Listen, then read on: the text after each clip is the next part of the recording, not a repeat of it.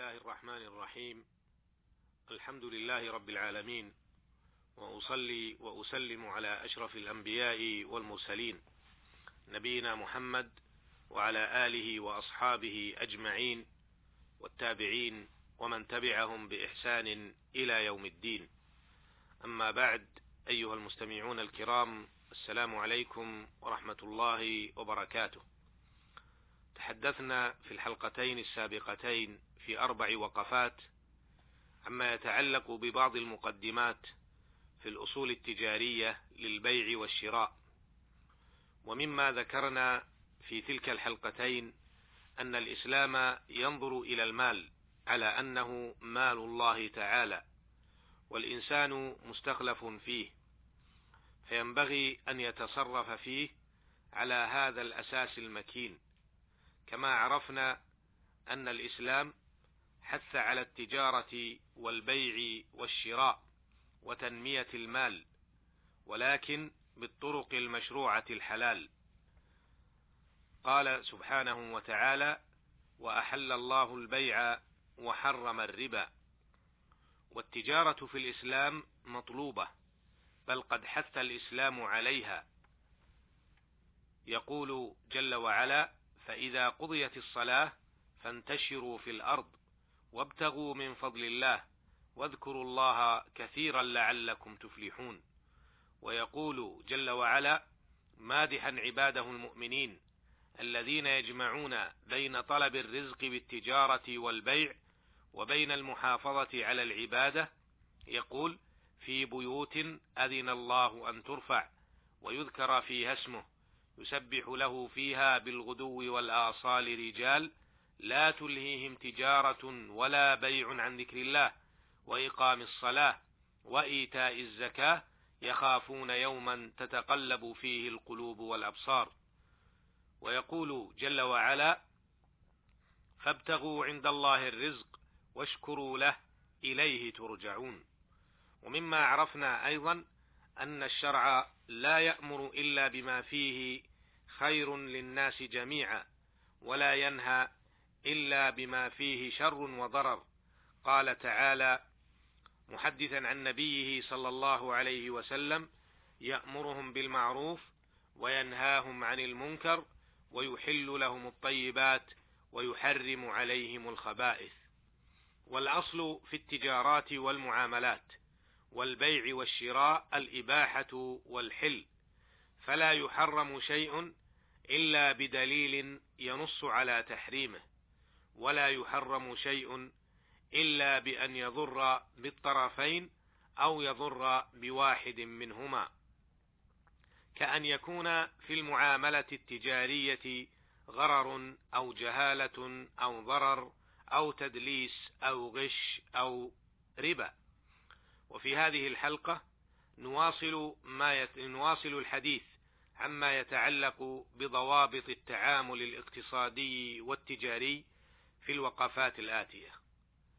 الوقفة الخامسة: إن من أهم الضوابط التي ينضبط بها هذا التعامل هو سلامة النية والقصد، فالنية والقصد في الشريعة الإسلامية عليها مدار كثير من الأقوال والأعمال، ولذا كانت قاعدة الأمور بمقاصدها من القواعد الخمس الكبرى في الشريعة الإسلامية. وهذه القاعدة مبناها على كتاب الله تعالى وسنة رسوله صلى الله عليه وسلم. يقول الله سبحانه وتعالى: وما أمروا إلا ليعبدوا الله مخلصين له الدين. وروى البخاري وغيره عن عمر بن الخطاب رضي الله عنه أنه قال: سمعت رسول الله صلى الله عليه وسلم يقول: إنما الأعمال بالنيات وإنما لكل امرئ ما نوى. فمن كانت هجرته إلى الله ورسوله فهجرته إلى الله ورسوله. ومن كانت هجرته لدنيا يصيبها أو امرأة ينكحها فهجرته إلى ما هاجر إليه. فعلق النتيجة بالنية فجعل المهاجر الأول يهاجر إلى الله ورسوله فثوابه على الله سبحانه وتعالى. أما المهاجر الثاني الذي هاجر لغرض دنيوي فهجرته إلى هذا الغرض الدنيوي الذي هاجر إليه فلا يثاب كما يثاب الأول. والتجارة والمعاملة تحتاجان إلى القصد الحسن والنية السليمة فيقصد المسلم بمعاملته سواء كانت بيعا أو شراء أو إجارة أو قرضا أو شركة أو غيرها من أنواع المعاملات الحصول على الرزق الحلال ليستعف به عن السؤال ولينفق على نفسه ومن تحت يده ولينفع غيره من إخوانه المسلمين.